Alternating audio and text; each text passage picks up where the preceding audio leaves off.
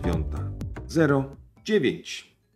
Tada! A zatem Salespresso czas zacząć. Ja zawsze mówię, że niezmiennie, choć to nigdy w życiu nie wiadomo, jak to się skończy, ale jednak póki co nazywam się Dariusz Milczarek od milczenia, choć milczenie może nie jest moją mocną stroną, ale jednak wtedy, kiedy rozmawiam z takimi gośćmi jak Marcin Bożymowski, to jednak moje milczenie jest tutaj bardzo wskazane, bo chodzi o to, żeby mądrzy mówili, a nie tak mądrzy słuchali. W związku z tym mów. Dobra, ale żebym tak nie wyszedł na takiego, co kompletnie yy, nie chcę nic mądrego powiedzieć, to tylko, to, tylko, to tylko tak spróbuję podsumować, co było ostatnio.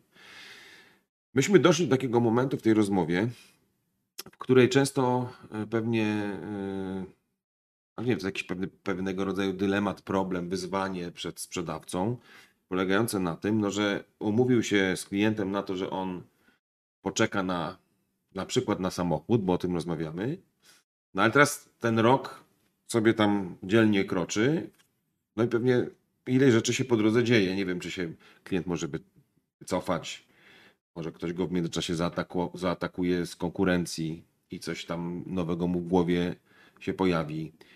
Pewnie czasami u klienta pojawia się jakaś frustracja, no kurde, ile można czekać na to auto, a jeszcze pewnie jest tak, że miało być w maju, ale przepraszam, jednak będzie tam w sierpniu, prawda, albo tam we wrześniu. Czyli jednym z ważnych zadań jest takie utrzymanie, jak rozumiem, klienta. Powiedz mi po pierwsze, po co, skoro tam płacił pieniądze jakieś zaliczkę, więc pewnie. Ten. Po drugie, jak nawet nie kupi, to inni kupię, bo tych samochodów przecież nie ma. No a po trzecie, no, jak to zrobić, jeżeli to jest ważne? Jasne. No, ogromne wyzwanie. Samochody dzisiaj, e, te zlecane do produkcji nowe, mm, e, rzeczywiście fizycznie do klienta mogą dotrzeć po roku, a może nawet później. Co gorsza, nikt nie daje gwarancji, że tak rzeczywiście będzie. Chyba zależy, czy, czym droższy, tym szybciej chyba, nie? Bo tam... Podobno e, funkcjonuje na rynku taki, taki pogląd, że jeżeli skonfigurujemy auto lepiej doposażone, krótko mówiąc, dobajerzymy je bardzo mocno, to chętniej producent taki samochód mm, z linii produkcyjnej wypuści, no bo ono wtedy będzie no, generowało albo takie samochody marżę. typu właśnie premium, jest jakieś Lamborghini, jakoś takie tematy, no to one prawdopodobnie te wszystkie półprzewodniki, bo marże mają największe, to pewnie pójdą w pierwszej kolejności. Nie? Być może tak jest, ale jest też mnóstwo przykładów, które tej tezie przeczą. Ale wracając do Twojego pytania, jak zatem utrzymać atencję klienta w tym okresie, kiedy oczekujemy. Ale i po co w ogóle? I po co? Dobrze, to posłużę się może takim przykładem, e, e, pewną metaforą z zupełnie innego rynku. Wyobraź sobie, że postanawiasz kupić mieszkanie. Na rynku pierwotnym, czyli nowe mieszkanie, którego jeszcze nie ma. Tak. W jakimś budynku wielorodzinnym, spodobała Ci się lokalizacja, e, e, jakby przedstawiciel handlowy czy agent nieruchomości pokazuje Ci folder tej nieruchomości, włącznie z tym, jak będzie wyglądało otoczenie, bazując na tym, że na bloku będzie fotowoltaika, będziesz miał dostęp do ładowarki do samochodów elektrycznych na parkingu podziemnym, że budynek będzie ekologiczny, etc. Tak. Wiemy o co chodzi. Super. Wpłacasz jakieś pieniądze, powiedzmy wpłacasz 20% wartości tego mieszkania, niech to będzie 100 tysięcy. No i uzbrajasz się w cierpliwość i czekasz, aż, aż ten blok zostanie wybudowany. Jedyne, co może zrobić taki agent nieruchomości, to co pewien czas przysyłać Ci informacje, w jakim stanie e, e, jest, e, jest ta nieruchomość, ta inwestycja, czy jest już w stanie tak zwanym deweloperskim, czy już zostały wykopane fundamenty. Zadałbym sobie pytanie jako klient tylko po co? po co mi teraz to zdjęcie, ta, tak. ta informacja, czy już pierwsze piętro powstało, czy jesteśmy na poziomie siódmej kondygnacji. Ale teraz wracam do naszego motoryzacyjnego świata. Nie ma zbyt wielu narzędzi, które pozwalają handlowcom utrzymać atencję klienta, ale jedynym narzędziem okazuje się kontakt z tym klientem systematyczny. Krótko mówiąc, musimy znaleźć jakiś sposób na przekazywanie klientowi takiego trackingu. Jak zamawiasz pizzę, to niektórzy dostawcy w Twojej aplikacji na telefonie pokazują Ci przygotowanie, pieczenie, dostawa, będziemy za 15 minut. Mhm. Oczywiście taki tracking w perspektywie 10, 12, 15 miesięcy moglibyśmy powiedzieć, mija się z celem. Nie, ale właśnie wręcz przeciwnie. Wydaje mi się, że yy, przykład pizzy, no jestem w stanie wytrzymać pół godziny bez informacji, tak?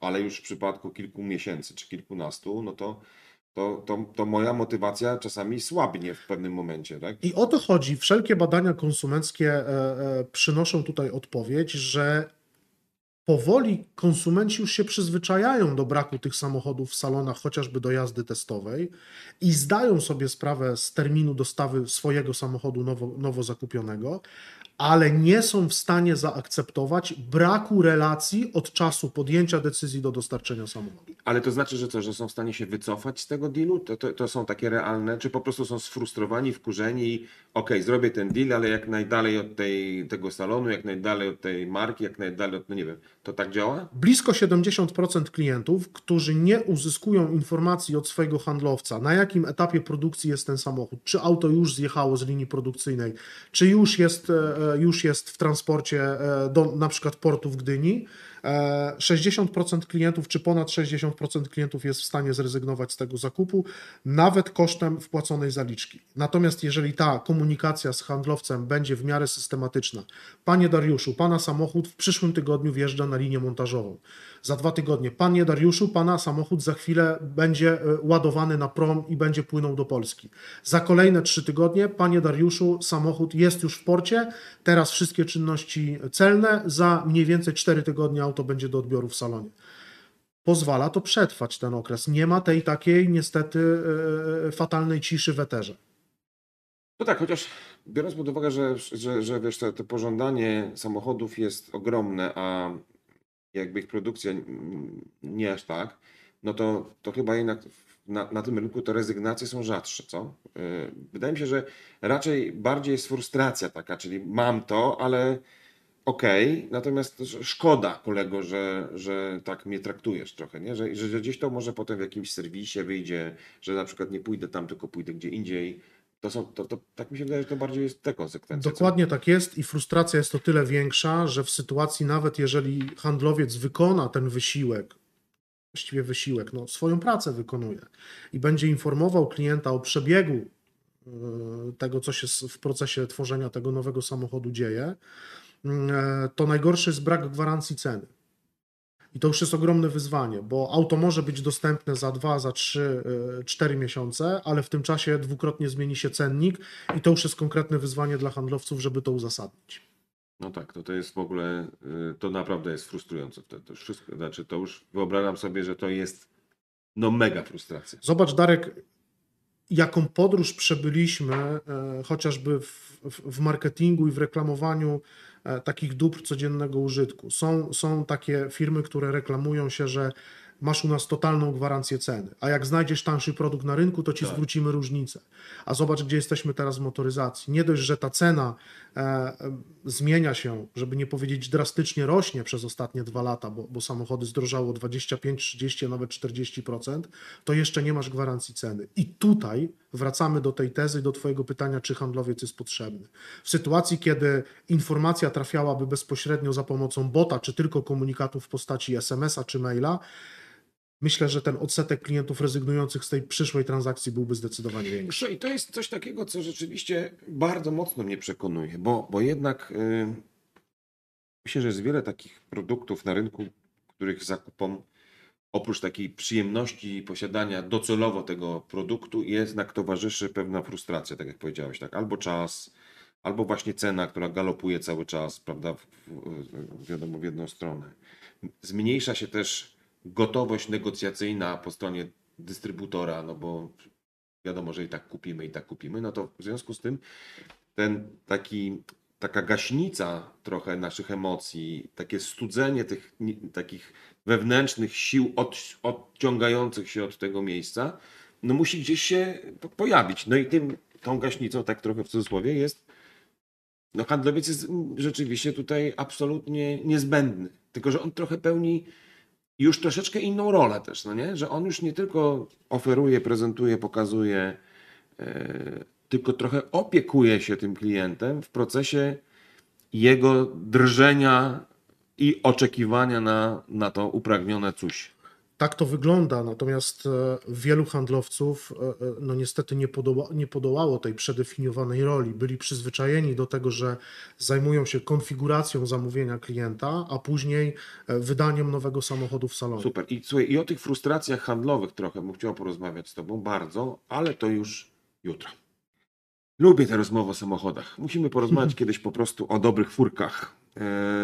No ale to może innym razem, bo teraz chciałbym wrócić trochę do rozmowy z dnia wczorajszego, kiedy to trochę powiedzieliśmy sobie o tym, że zmienia się, bo powinna się trochę zmienić rola tego handlowcy, prawda? Handlowcy, czyli tak jak on na początku, czy może nawet kiedy się zatrudniał, miał w głowie, że będzie oferował, sprzedawał, prezentował, robił jazdy próbne i po prostu, nie wiem, budował w kliencie poczucie i chęć posiadania, tak w wyniku różnych problemów, nie wiem, z łańcuchem dostaw, z, y, z frustracją klienta, jego rola chyba powinna się przesunąć w kierunku takiego opiekuna, towarzyszy, towarzy, towarzysza Niedoli. niedoli klienta, tak? Powiedz mi, czy to jest dla handlowców akceptowalne? To znaczy oni to rozumieją, czy nie? Wielu rozumie, wielu sobie z tym nie radzi.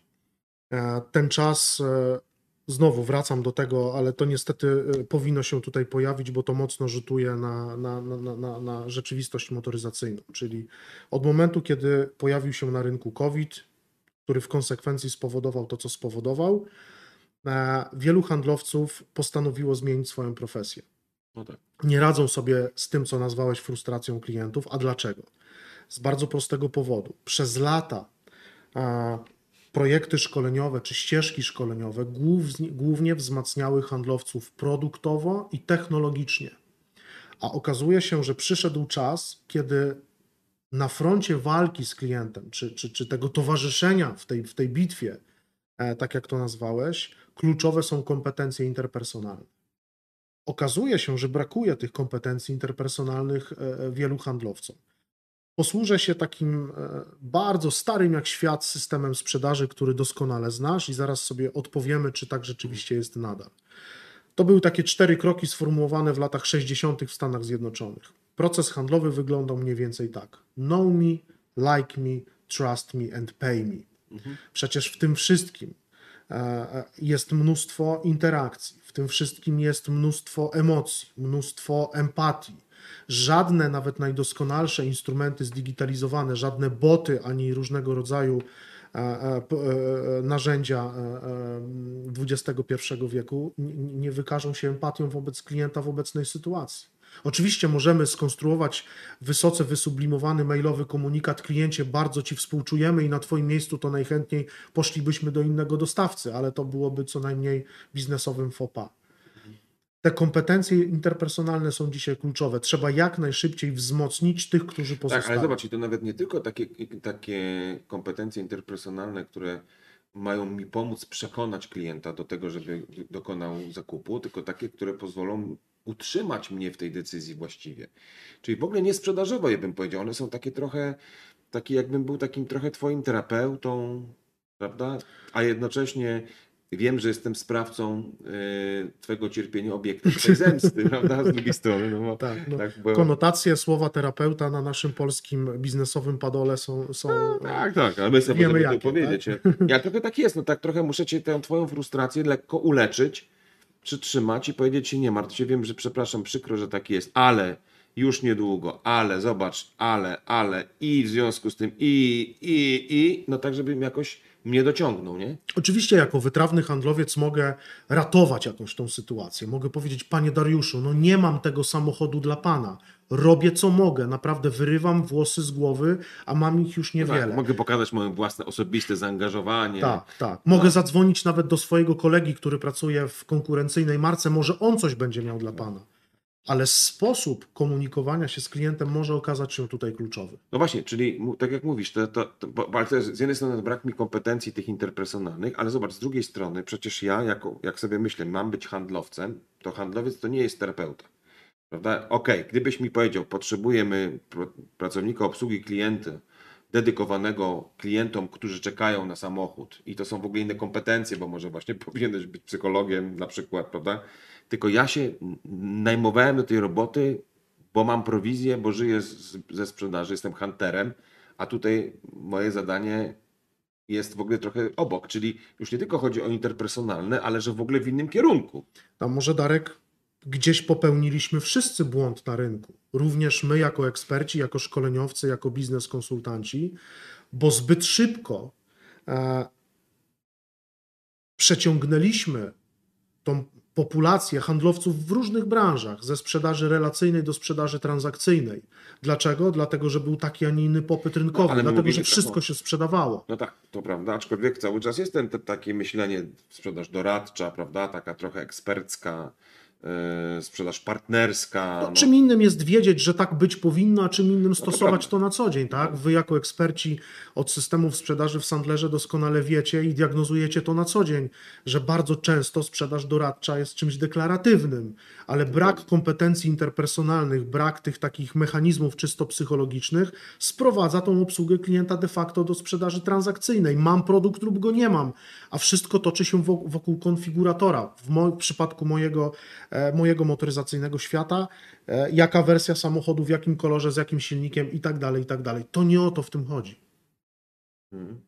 No dobra, ale to teraz tak, to znaczy, co według Ciebie powinien zrobić taki w związku z tym handlowiec? No bo załóżmy, że światły, yy, nie wiem, prezes czy właściciel dealerstwa, czy w ogóle firmy, która zajmuje się dystrybucją czy sprzedażą, może powiedzieć, słuchajcie kochani, no przejrzałem na oczy, musimy zainwestować w szkolenia interpersonalne, bo jest taka potrzeba. No ale wiesz, z drugiej strony y, mogę na to patrzeć przez pryzmat takiego indywidualnego podejścia do życia. No ja jestem odpowiedzialny jako handlowiec. Co ja mogę zrobić teraz? Mam książki poczytać, czy coś powinienem się po prostu jakoś uwrażliwić? Są jakieś takie patenty? Zawsze jest czas na czytanie książek. Szczególnie w wakacje, jak mamy chwilę urlopu, to zachęcamy do czytania zacnej literatury. A tak zupełnie serio, wielu dealerów, wielu sprzedawców radzi sobie w tej sytuacji. Okej. Krótko mówiąc, na swoich lokalnych rynkach, za pomocą narzędzi, które są dostępne od wielu lat. Czyli E, Na przykład różnego rodzaju mm, e, e, wszystkie te media społecznościowe budują tą lokalną społeczność.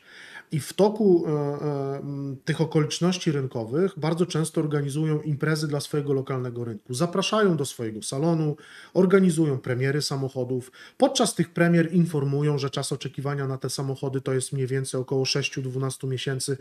Krótko mówiąc, powoli przyzwyczajają klientów do takiej, a nie innej sytuacji. Jeżeli my będziemy do tego przygotowani, nasz poziom akceptacji tego e, e, e, będzie zdecydowanie, zdecydowanie łatwiej przebiegał. Zachęcam również do wykorzystywania narzędzi, które funkcjonują od lat, czyli różnego rodzaju CRM-y. Przecież tam w dobrych CRM-ach jest mnóstwo informacji behawioralnych o naszych klientach. jeżeli są prawidłowo wypełnione. Dokładnie, jeżeli handlowcy dobudowywali ten profil behawioralny klienta, wpisywali te wszystkie historie, jak klient reaguje na to, jak się zachowywał na zmianę samochodu i Błagam tak Ci, dalej. masz poczucie, że to ktokolwiek zrobił? Znam wielu wspaniałych handlowców na naszym polskim rynku, którzy dzisiaj sięgają do tej lektury, którą konstruowali wiele lat temu i Co to im pomaga. Naprawdę są Autentycznie. tacy? Są tacy. No to rzeczywiście e, e, grubo powiedział. Powiedz. To są wytrawni gracze, którzy potrafią dzisiaj na tym swoim portfelu pozyskanym przez lata dokonywać pewnych, e, pewnych takich segmentacji, takich właśnie czynności segmentacyjnych, odświeżają te kontakty, budują na nowo to, to, to poczucie przynależności do tej marki. Ale wiesz co, mówiłeś na którymś tam poprzednim rozmowie też, i to mi się też bardzo podobało, że 40 chyba procent klientów jest gotowych, 47 dokładnie. 47 jest gotowych zrezygnować z pierwotnie zaplanowanego yy, zakupu ze względu na Tak. Brak na dostępności. brak dostępności. No to z drugiej strony jeszcze przychodzi mi to do głowy, to też jest bardzo ważne, no to wykorzystajmy to, no nie, też z drugiej strony, czyli możemy trochę właściwie wykazać się taką aktywnością w odróżnieniu od takiej pasywności, czyli tej, jak to się ładnie nazywa u nas, agresywnym czekaniem, to zmieńmy to trochę na to, że możemy podzwonić, popytać i nawet rozumiem, jeżeli ktoś wykonał już jakąś tam ws- wstępną akcję pod tytułem czekam na jakieś auto albo na jakiś inny produkt, to z tego co mówisz, nic nie stoi na przeszkodzie, żeby go troszkę przekabacić na naszą stronę. Prawda, że genialne w swojej prostocie? Prawda. Wystarczy zrozumieć potrzeby klientów, którzy do tej pory nie byli klientami mojej marki. Jeżeli ja od 15 lat sprzedaję samochody marki X, to powinienem być może dzisiaj wykonać ćwiczenie i zdefiniować to w ramach burzy mózgów, dyskusji moderowanej, cotygodniowych spotkań ze swoim menadżerem, czego oczekiwali klienci w marce Y. Czy kupowali te samochody ze względu na stylistykę, czy kupowali te samochody ze względu na jakieś unikatowe rozwiązania technologiczne, czy kupowali te samochody ze względu na politykę cenową. być może my powinniśmy dokonać bardzo prostych zmian e, e, w mechanizmach e, e, no jakby konstruowania oferty cenowej. Czasami tak jest. Okej, czyli przekujmy pewien problem w sukces. Dokładnie. Bardzo mi się podobało. Marcin, bardzo Ci dziękuję za Twoją wizytę. Yy, Was oczywiście namawiam po pierwsze do refleksji nad swoją własną skutecznością i pomyśleniem nad tym, czy nawet trudna sytuacja, w której być może się znalazł, był Wasz klient, da się jakoś przekuć na Wasz sprzedażowy sukces. I oczywiście zapraszam do słuchania kolejnych naszych audycji. Do zobaczenia.